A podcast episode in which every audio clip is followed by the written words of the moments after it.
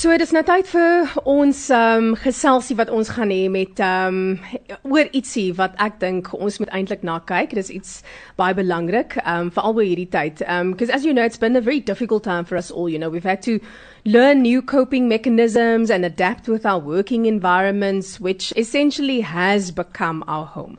But what about our children and how are they coping with the day to? So on the line, we've got Suleiman Henry. He's an activist, community builder, and a main care facilitator for Sonke Gender Justice. He's also very involved in the youth movement in Manenberg. Suleiman, welcome to the On Bait Show on Radio Tygerberg 104 FM. I hope you're doing well this morning. Uh, good morning, uh, Tia. Good morning to the listeners. Yes, I'm well. Thank you. Oh, good to hear. Um, you know, this hasn't been the easiest of times for most of us, but uh, more so for our children. How do we try and maintain a relative calm within our own homes while dealing with this new normal in our day to day? Um, I, I think here the, the one of the most important things is that, um, and, and can be thankful for this, is that kids are extremely resilient.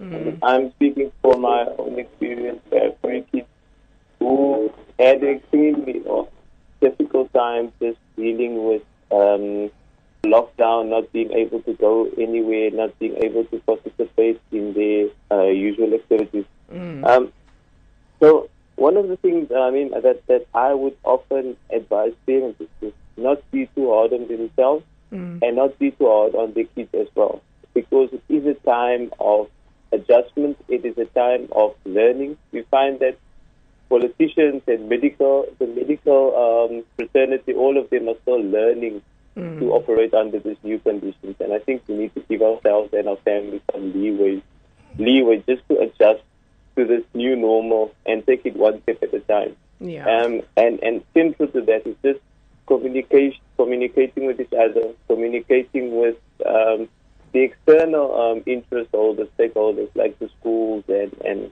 and whoever uh, is involved, um, but also to communicate with the kids and reaffirm to them um, that what you need, what's expected of them, um, but also that the environment is, is a supportive space for them. Okay, so let, us talk uh, positive reinforcement. Um, how would you implement this in your home? Uh, you know, positive reinforcement has, has often um, received a bad name um, because many think it's about um, giving giving uh, something in, in exchange for kids doing what they are supposed to do. Um, and and in a workshop, someone once said, um, "You can't, you don't pay your fish to swim." but positive reinforcement is often and most importantly about acknowledging and praising when our kids are doing something good we often get into this habit of communicating with our family members and our kids in particular when they've made a mistake mm. or they've done something wrong. Don't, don't. That's why you find in many households, you find when children start speak, the first words they say are no and don't. Mm. Because it's no, no, no all the time. Yeah. It's about making sure that if even in a in, in, in, a, in an environment where there's a complete mess, but you find that something good has been done, acknowledge that. Um, acknowledge and praise your family member, praise yourself, so they also know that what is good, and and, and then it, it might encourage them to do more of that to get your favor. You know, I was laughing earlier because I've actually got um, a five-year-old whose first word was no. Because I'm always, I was always telling him no. Hey, but he's a busy one. I'm telling you, he's still still as busy as what he was. Um, you know, when he first started learning how to walk and, and open up doors and things like that. Yeah. But anyhow, um, can you give us any advice um, for parents who find themselves in a situation of single-parent households? You know, I've heard about this a couple of times now. Um, people saying to me, "Oh, you're lucky. You've actually." Actually got, you know, um, someone that helps you in the home. And I think sometimes we forget how difficult it is to be a single parent raising one kid or two kids or three or five. I mean, it's it's hectic. I mean, it's it's, it's extremely difficult. Yeah. We have situation in South Africa. We have um, statistics says that um, there's a, there's around five million single mothers in South Africa. Um, around 66% of children are not living in the same household with their fathers. Mm. Um, and, and while in many cases those fathers are so supportive, it is different if they are not physically there during night time, morning time, dropping off kids somewhere. Um, but but we have this philosophy that, um, or with the program that we've been implementing, uh, MenCare, we have this philosophy that parents, or, or not parents, but men, four out of five men in our in our community or in society become fathers, and similarly, the majority of women in our society become mothers.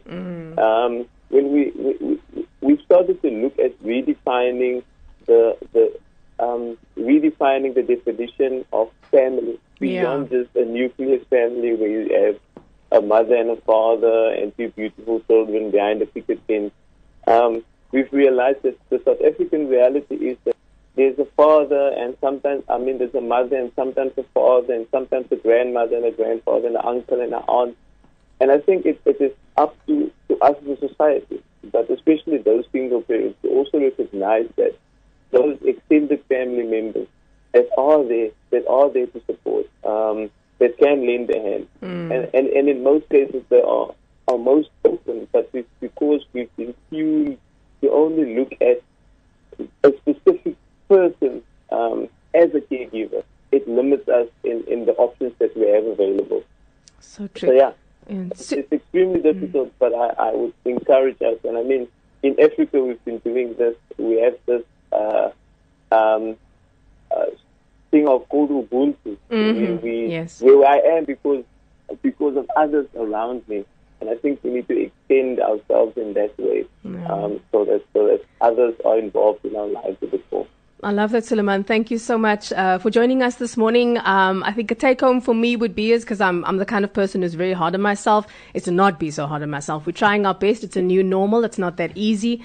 And uh, as you said, now our medical, you know, uh, fraternity as well as our politicians are literally learning as they're going along. So we are also learning, and we are in this together. Thank you. Okay, thank you. Thanks. Bye bye.